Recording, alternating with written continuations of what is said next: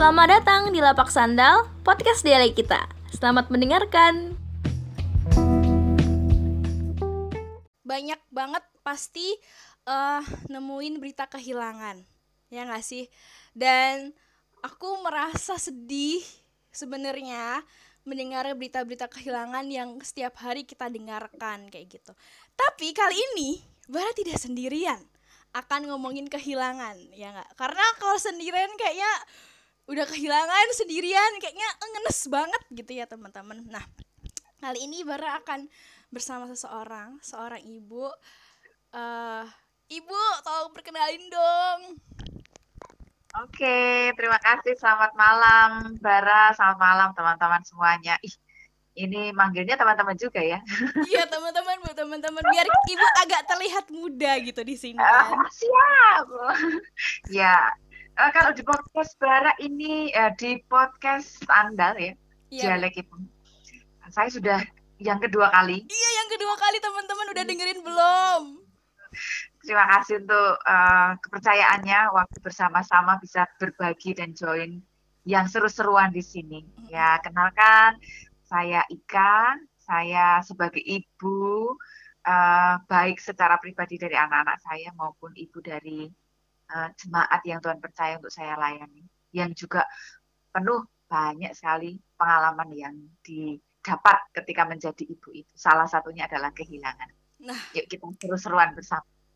Ibu ngerasa gak sih kalau selama eh, tahun ini bahkan dua tahun ini kita tuh sering banget mendengarkan kabar-kabar berita-berita kehilangan yang awalnya itu jadi sedih tapi sekarang itu jadi kayak oh oke it's okay it's okay udah jadi kayak bingung mau kehilangan mau sedih atau kayak udah bosan gitu ibu ngerasa kayak gitu nggak Ya, betul sekali. Ya, sesuatu yang dulu itu adalah sesuatu yang eh, mungkin spesial ya. Spesial dalam arti kita nggak pernah tahu kapan itu sesuatu yang mengagetkan, tetapi menjadi sesuatu yang biasa.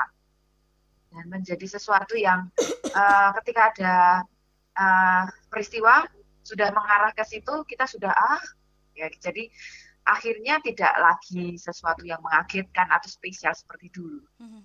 mau tidak mau harus menjadi siap dan menjadi biasa. Ya itu. Bu, selama eh, pandemi ini, ibu udah nangis berapa kali berarti karena kehilangan? Ah, banyak sekali. Iya kan bu? Em, jadi kayak setiap bulan agenda menangis itu selalu ada ya bu? Ah, tidak tidak cuma setiap bulan, setiap minggu, beberapa kali bahkan sehari, berapa kali. Oke oke. Hmm, jadi kemarin itu Bara sempat dengar podcast kan bu, namanya tuh caregiver atau oh giver survivor kayak penyintas kehilangan gitu di mana dia itu eh bukan karena covid tapi dia itu kehilangan keluarganya bapaknya ibunya kakaknya adiknya itu dalam waktu kurang lebih lima tahun Hmm. kayak itu terus eh, bapaknya karena sakit eh, adiknya karena overdosis terus ibunya meninggal karena kakak karena anaknya overdosis kayak gitu terus aku ngerasa wah kayak orang yang eh, mengalami kehilangan bukan karena corona aja itu Hmm.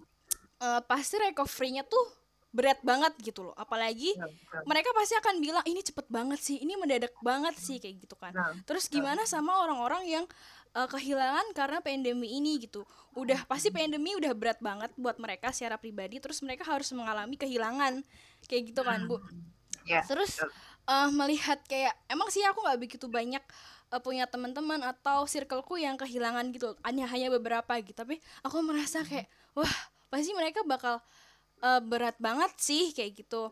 Hmm, hmm, yang ya ampun adik sekolah minggu aku kayak gitu gimana nih? Kayak gitu kan bu. Terus wah ini yang dulu aku ajar di PAUD kayak aku merasa wow kayak semua orang berjuang.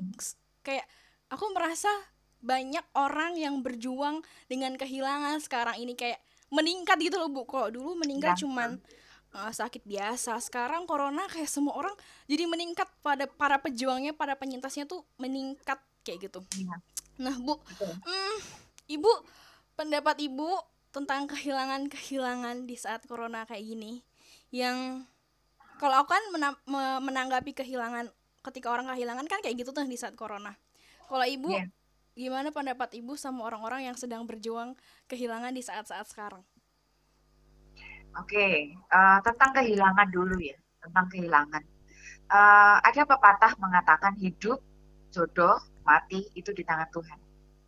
Jadi ketika kehilangan atau kematian itu eh, apa namanya kita hadapi itu adalah bagian dari eh, rencana Tuhan, bagian dari memang Tuhan menghendaki itu. Jadi eh, kehilangan iya betul gitu ya. Kehilangan secara fisik kita berpisah dari orang yang kita kasih itu betul. Nah, tetapi sebenarnya Tuhan sendiri yang sudah mengatur kalau sekarang dengan cara corona ini begitu kalau kemarin-kemarin dengan cara sakit sekarang dengan cara corona ini ya eh, mau tidak diterima ya harus menerima. Semua gitu ya semua. Mau masih usia muda mau eh, apa namanya masih produktif bahkan masih kecil tetapi kalau itu sudah Tuhan kehendaki atau mungkin sudah diusahakan sedemikian rupa sudah dibayar mahal untuk bisa sembuh tapi tetap juga harus kehilangan ya kita nggak bisa mengelak itu itu berkenaan dengan kehilangan. Kalau di masa corona ini apalagi banyak sekali uh, yang menurut ya kita harus akui ya semua orang mengalami Hmm. uh, akhirnya mengalami yang sama. Karena karena tadi di, di awal tadi kehilangan ini bukan menjadi sesuatu yang menghebohkan seperti dulu. Karena banyak juga yang akhirnya teman-teman yang sakit corona keluarga-keluarga yang ada ada yang sakit akhirnya juga meninggal. Jadi semua kalau di, di, bisa dibilang seperjuangan begitu ya seperjuangan. Tapi meskipun itu kata yang mungkin kurang tepat ya tapi dalam arti mengalami sama gitu. Sama juga nggak hanya satu orang dua orang tapi hampir beberapa orang yang mengalami sakit keluarganya mengalami sakit corona mereka ada yang meninggal dan itu akhirnya menjadi sesuatu yang biasa yang harus siap. Hmm. ya ya itu tentang kehilangan di masa corona ini. Bu, hmm, pasti di saat-saat sekarang itu pasti banyak orang yang udah berjuang dengan kehilangan, pasti itu memicu orang-orang yang belum kehilangan untuk takut kehilangan. Aku betul merasakan itu kayak aku takut banget gila. Kayak what? Nanti kalau mama kenapa-napa gimana Betul. nih? Kalau ayah Iya. kenapa-napa gimana nih? Kayak jadi kayak Iya. kita em, was-was banget gitu loh. Jadi kayak sebenarnya sehat-sehat aja nih, sehat-sehat aja gitu. Sehat-sehat aja kita masih ngerasa takut kehilangan gitu loh. Gimana kalau Iya. sakit gitu kayak ya ampun takut banget gitu. Kalau Bara nih pernah kehilang takut pernah takut karena punya pengalaman kehilangan gitu kan. Kalau ibu nih di saat-saat sekarang pernah muncul nggak sih pernah terlintas nggak sih bu buat takut kehilangan gitu ya Eh, meskipun tadi saya katakan mau nggak mau itu kehendak Tuhan ya tetapi manusiawi wajar kalau kita semuanya takut kehilangan Hmm. apalagi orang-orang terdekat kita orang-orang yang kita kasihi karena intensitas hubungan kita mau tidak mau kita memiliki kedekatan tidak hanya kedekatan saling saling eh, terkait saling berhubungan dan saling saling apa ya saling membutuhkan gitu ya. Eh, saling eh, apa hubungan yang sangat dekat ketika itu tiba-tiba terputus ya. Karena dipisahkan itu ya akan sangat menyakitkan dan itu tidak diinginkan. Hmm. Saya sendiri eh, keluarga dari sisi keluarga ketika bapak mertua meninggal gitu ya itu juga cukup cepat dan beberapa hari sebelumnya beliau telepon saya gitu.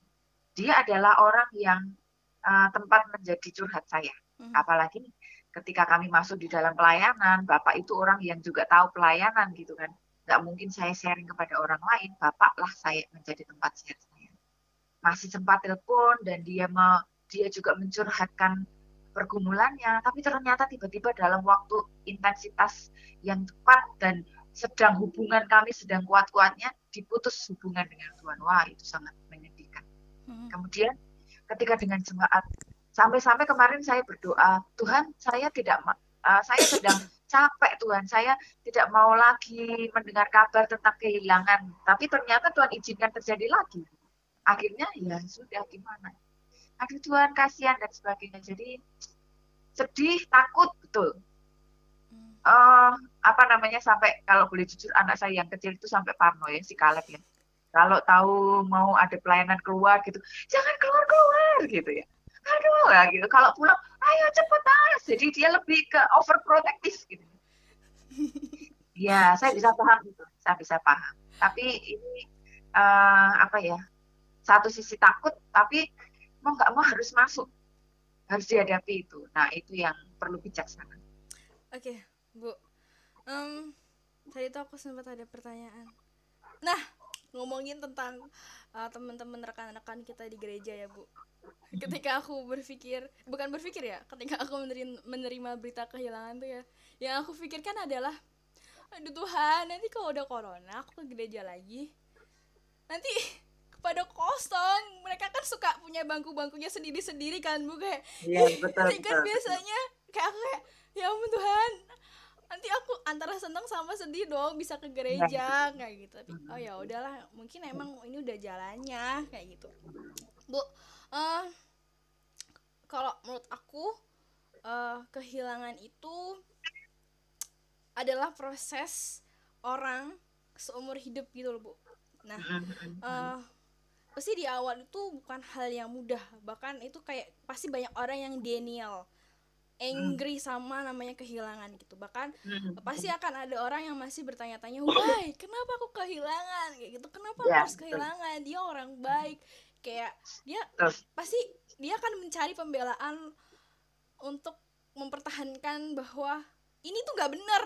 Aku nggak terima ini dia nggak terima kenyataan kayak gitu nah yeah. gimana tanggapan ibu sama orang-orang yang masih apa ya masih berjuang berjuang dengan kehilangan yang masih tahap-tahap genial yang menurut kita mungkin kita mau bilang dia salah tapi dia juga nggak sepenuhnya salah kayak gitu. Ya ya uh, saya mencoba masuk dalam pola pikir mereka. Saya mencoba merasakan karena kan beda ya beda rasa kehilangan yang saya rasakan dengan rasa kehilangan yang mereka secara langsung gitu mengalami kan beda. Betul tadi yang dikatakan itu mereka sangat tidak siap gitu ya bahkan sampai ke yang uh, terjadi akhirnya mempengaruhi semua kehidupan semua aspek kehidupannya bahkan sampai mereka trauma tidak berani keluar rumah karena ketika keluar rumah selalu mengingat momen-momen dengan orang yang meninggalkan mereka ya yang meninggal itu kemudian sampai uh, apa namanya ada hal-hal yang semula biasa dilakukan stop tidak dilakukan karena takut untuk uh, apa mengingat kembali dan sedih kembali. Nah itu yang saya lakukan selama ini uh, tugas saya ya, bukan hmm. tugas ya, panggilan panggilan saya. Saya mendampingi, mendampingi tapi saya saya tahu itu sangat jauh, hmm. jauh dari sempurna apa yang saya lakukan.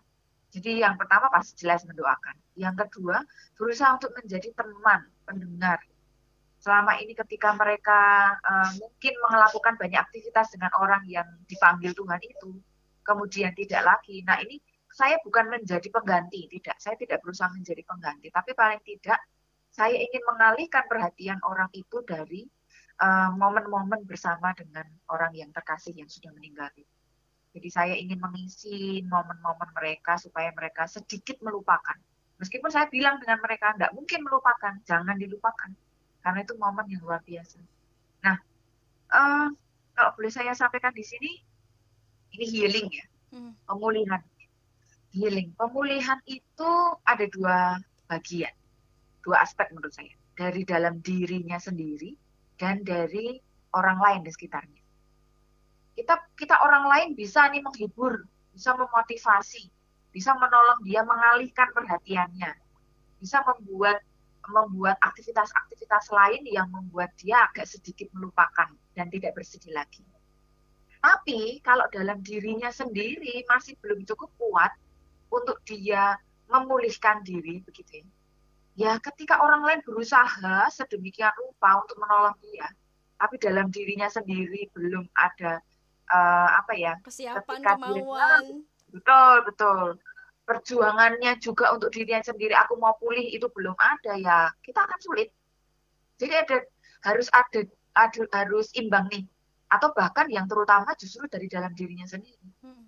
ketika dari dalam dirinya sendiri dia sudah kuat untuk menyembuhkan diri untuk memulihkan diri meskipun tidak ada orang-orang di sekelilingnya yang menolong dia dia akan bisa sembuh dia akan bisa bangkit dari kehilangannya itu hmm. tapi kalau dia sendiri belum siap meskipun ada orang-orang di sekelilingnya yang mendorong dia untuk bangkit, ya nggak akan sembuh-sembuh gitu, nggak akan pulih-pulih.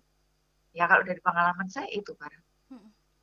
Kalau nanggepin yang tadi Bu sampaikan, emang kehilangan itu nggak cuman merubah uh, momen, tapi juga merubah individunya itu. Menurut saya ya Bu, karena karena ya itu karena proses kan belajar gitu kan. Karena belajar lagi, belajar lagi pasti otomatis ada yang berubah kayak gitu. Dan. Iya. Hmm, untuk belajar tentang kehilangan itu memang kayak belajar biasa deh. Orang kita belajar biasa aja kalau disuruh-suruh orang didorong-dorong orang aja kadang-kadang kayak malah kayak itu bener-bener nggak tulus gitu. Berbeda nah, dengan kayak oke okay, aku sadar aku mau ada kemauan pasti itu akan lebih lebih apa ya lebih abdol. Emang bener-bener kita mau gitu. Sebenarnya tentang kehilangan itu juga balik lagi ke kesadaran diri kita bagaimana kita menanggapi itu kan ya bu. Maksudnya kalau uh, kalau kita lihat dari negatifnya itu nggak bakal ada habis-habisnya dan hmm. malah bisa mempengaruhi dia ke mana-mana. Kalau misalkan kita berusaha ambil positifnya uh, pasti kita akan nemuin nih solusinya gimana sih baiknya buat kita. Kayak gitu nggak sih bu? Menurut ibu? Ya tuh nah tuh. bu hmm, kalau kehilangan pasti identiknya sesuatu yang negatif. Orang hmm. hilang. Hmm kita kehilangan kita gak ketemu lagi kita berpisah. Putus asa hampa hmm. kosong. Kayak gitu. Pasti kayak gitu tuh. Hmm. Jangan kan kehilangan meninggal orang kehilangan pacar itu aja galau nya bisa lama banget dengan bu iya. ini kehilangan kita dipisahkan di bumi gitu kan kita nggak ketemu lagi gitu tapi pasti ada sesuatu yang kita yakini yang baik-baiknya apa uh, yang ibu yakini baik tentang kehilangan? Ya, uh, jadi di seperti tadi di awal saya sampaikan kalau uh, hidup mati jodoh itu ya kalau orang apa namanya uh, ada pepatah mengatakan seperti itu. Kita sendiri dalam Alkitab juga tahu itu ya bahwa ketika kehidupan uh, ketika Tuhan itu sudah memanggil itu ya sebenarnya kita itu tidak mati mati uh, apa semua ya kita itu orang-orang yang percaya kepada Tuhan dia itu hanya berpindah tempat ya. hanya berpindah tempat dan Tuhan sendiri yang akan berperkara dengan jangan khawatir ketika kalau kalau ada keluarganya yang meninggal gitu ya harus bersemangat harus uh, tetap menghibur diri karena ada Tuhan jadi uh, untuk orang-orang yang kehilangan memang uh, kita kita harus harus tahu dan ya ini ini yang selalu selalu disampaikan untuk menguatkan mereka. Tuhan menghendaki itu. Bagaimanapun cara kematiannya. Apa pun caranya kematiannya kalau itu sudah Tuhan menghendaki, kita tidak bisa merengek-rengek untuk diperpanjang dan sebagainya begitu. Nah, jadi uh, percaya bahwa ketika dia seorang yang percaya kepada Tuhan, dia akan masuk ke dalam kerajaan surga. Mm-hmm. Dia tidak sedang sedang hilang secara semuanya, tapi sedang berpindah dari kalau ini berpindah dari alam fana gitu ya ke, ke alam kekekalan gitu ya dari dunia ke surga gitu ya. ke, ke alam kekekalan nah entah itu nanti gimana ding apa namanya uh, kalau dia orang yang benar-benar orang yang percaya atau enggak gitu ya nah, lalu dari sisi keluarganya sendiri ketika Tuhan sudah panggil kemarin saya dapat kesaksian yang luar biasa jadi dari seorang istri pendeta janda ya, dia suaminya meninggal. Ketika Tuhan sudah panggil dalam waktu yang yang seperti menurut manusia itu sangat-sangat tidak memungkinkan bagaimana dia hidup dan seterusnya. Tapi Tuhan aturkan semuanya. Saya percaya Bara juga mengalami itu. Jadi Tuhan aturkan semuanya, Tuhan pelihara semuanya.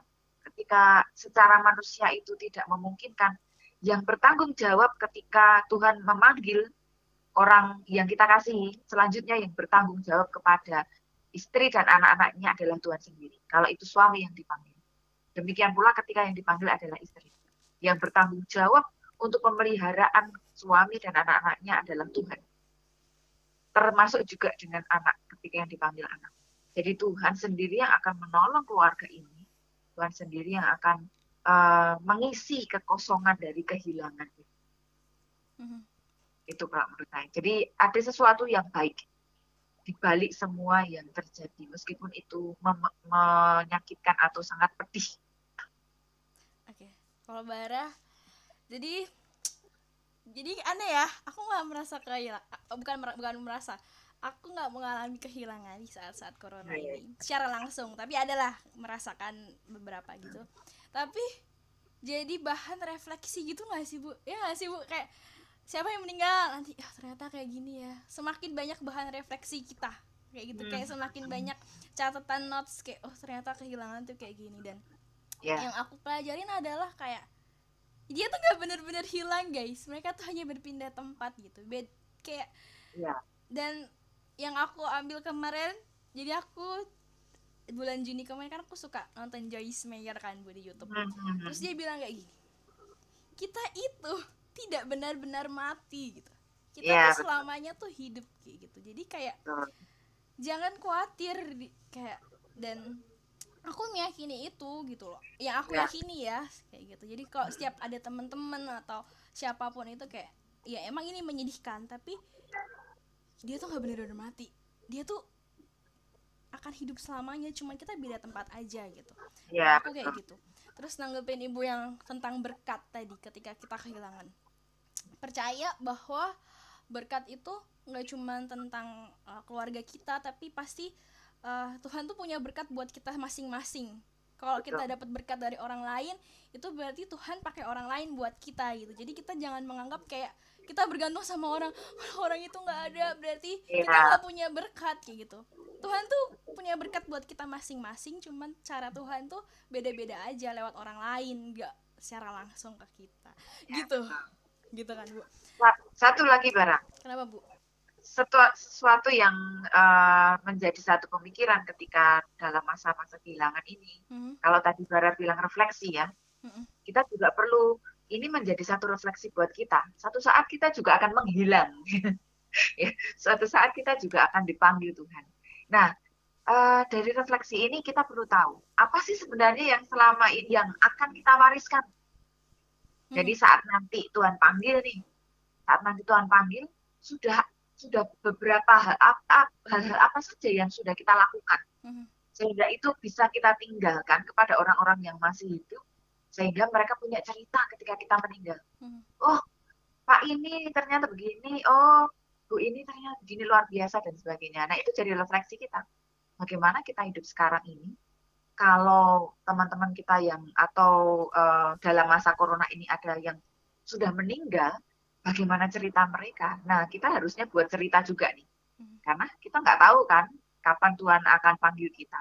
Hmm. Nah, ketika Tuhan panggil kita, kita tinggalkan cerita apa untuk anak-anak kita atau untuk orang-orang sekeliling kita tentang kita. Nah, itu warisan.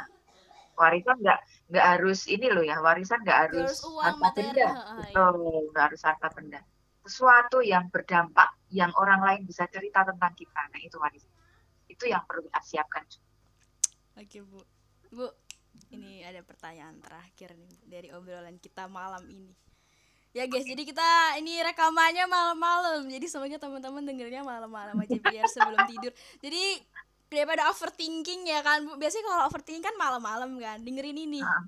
biar overthinking sekalian nggak bercanda, bercanda. Bu, ini emang ada satu pertanyaan. Tapi buat uh, tiga tiga apa ya namanya ya? Tiga orang, tiga kelompok kayak gitu.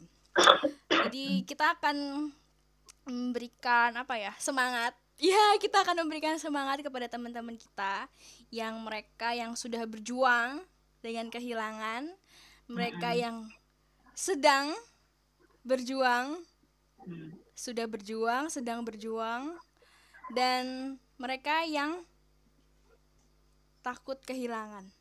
Hmm. Gitu ya, Bu. Oke, Bu. Sedang, iya nggak bener, sedang, eh sudah, ya ampun, sudah, sudah, sedang dan takut. Oke, pertama-tama Bara, nanti Ibu, oke? Okay? Kita dimulai dari teman-teman yang sudah berjuang. Buat teman-teman yang sudah berjuang dengan kehilangan selamat. Karena uh, perjuangan teman-teman itu tidak sia-sia mungkin ada yang lama ada yang sebentar.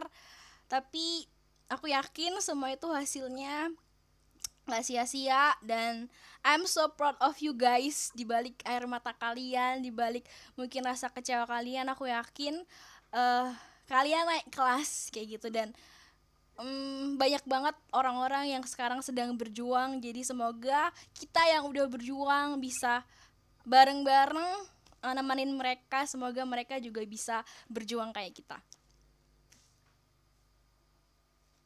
Oke. Saya? Oke ibu. Oke buat yang sudah berjuang. Ini yang sudah berjuang dulu ya. Iya sudah berjuang bu. Ya, sama. Tadi Bara bilang selamat, saya juga bilang selamat. Gitu ya. Selamat karena sudah selesai uh, mengalami proses hidup yang yang luar biasa bersama dengan Tuhan pastinya. Kalau orang yang meninggalkan itu atau siapa pun yang meninggalkan teman-teman yang meninggalkan teman-teman itu tugasnya mereka sudah selesai. Demikian pula teman-teman sekarang tugasnya juga sudah selesai.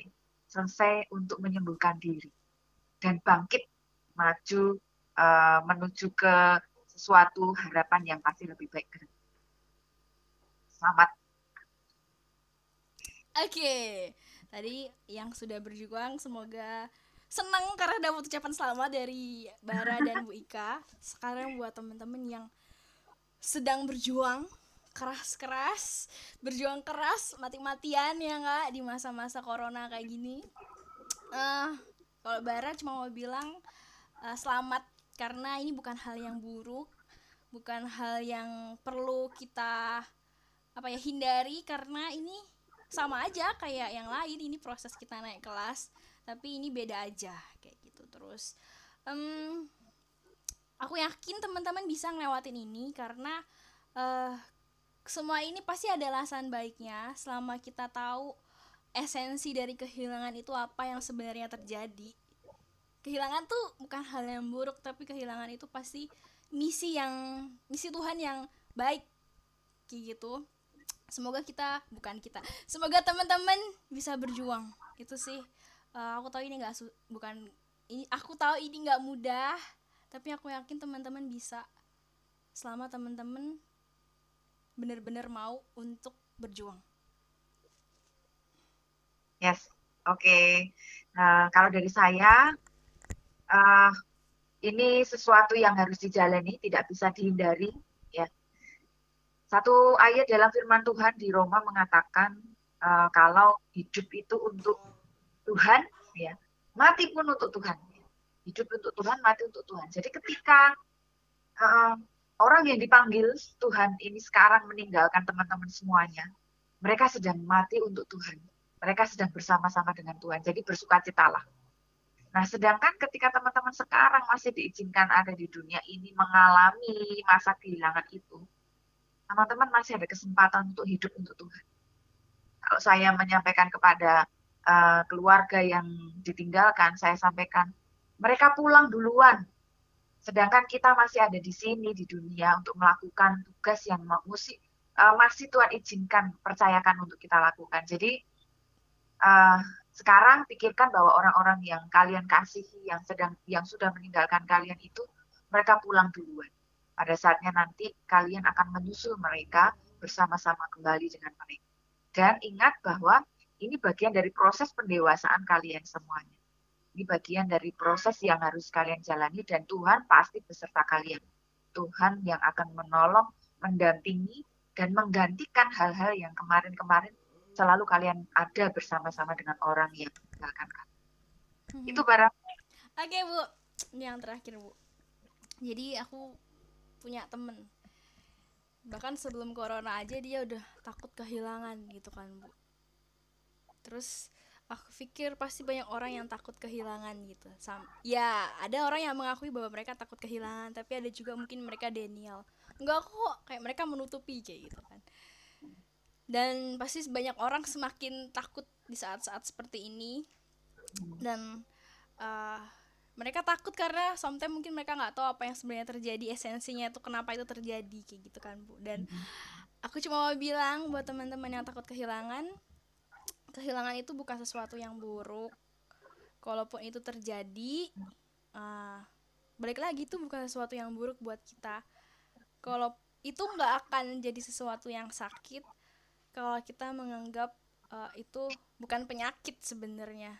Kayak gitu. Itu malah sak kita aja bayi datang kita wow seneng banget gitu. Ini seakan-akan wah ini dia datang nih ketemu Tuhan siapa yang gak seneng? Kayak gitu kan. Jadi kayak uh, itu akan menyakitkan ketika kita kita ketika kita menganggap itu sebuah penyakit kayak gitu. Berbeda ketika kita menganggap bahwa kehilangan itu sebuah hmm, sebuah apa ya pencapaian seseorang pasti kita akan ikut seneng kayak gitu. Dan ketika kamu takut nanti gak ketemu lagi. Aku masih pengen sama dia. Aku belum ini aku belum itu. Guys ini masalah pertanggungjawaban orang ini sama yang punya hidup. Kalau masih banyak keinginan kamu yang masih pengen kamu habisin sama dia please itu cuman buat kepentingan kamu.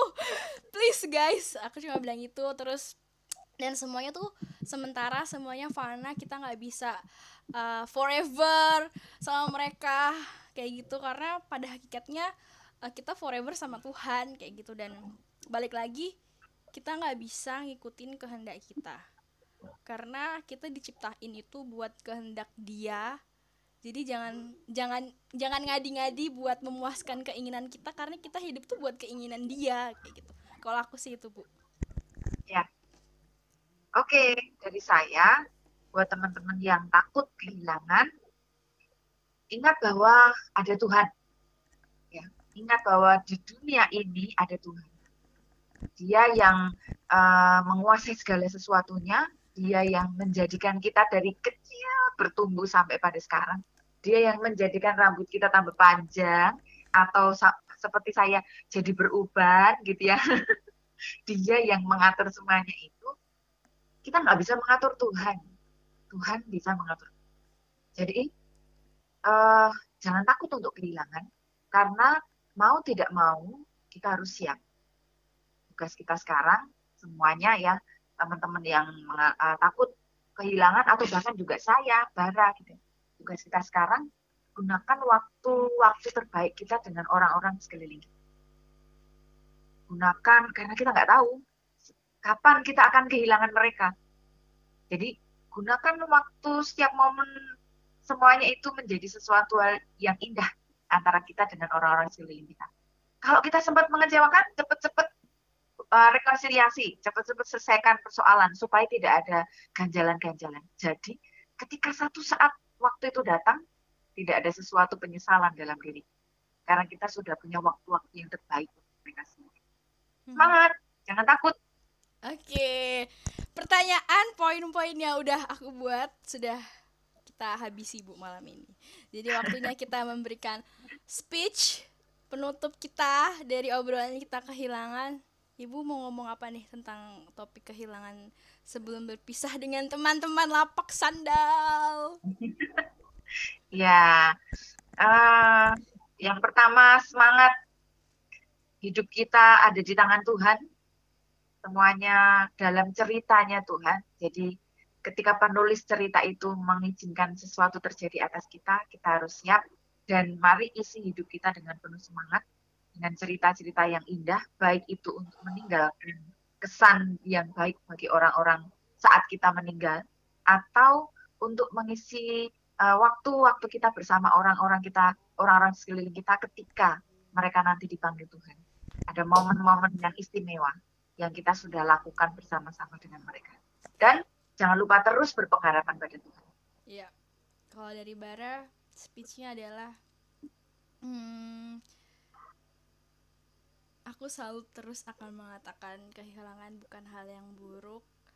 Siapa pun yang sudah berjuang, sedang berjuang, bahkan takut kehilangan, uh, kehilangan itu bukan sesuatu yang perlu kita takutin, perlu kita mm, sedihin. Boleh sedih, tapi kayak itu adalah um, salah satu misi Tuhan supaya uh, kita lebih dekat sama Tuhan kita percaya bahwa mm, mereka tuh sementara dan kita nggak boleh bergantung sama manusia kayak gitu itu sih yeah. teman-teman oke teman-teman terima kasih buat waktunya udah dengerin uh, lapak sandal di musim gugur kali ini episode kehilangan. Jadi siapa pun kalian semoga episode ini berguna bermanfaat bisa ngayem-ngayem hati kalian terus bisa berbagi apa ya berbagi pemikiran. Jadi kadang-kadang kita kalau nggak ada yang positif tuh jadi negatif terus. Jadi aku pengen Iya. banget teman-teman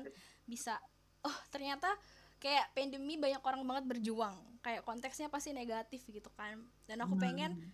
Uh, kehilangan ini kita mencoba mencari sesuatu yang positif. Oke teman-teman terima kasih. Sampai jumpa di episode selanjutnya. Jangan lupa buat dengerin ya episode selanjutnya karena seru banget. Buat temen-temen ini aku janji ini pasti bakal seru banget. Oke. Dadah teman-teman. Sampai jumpa.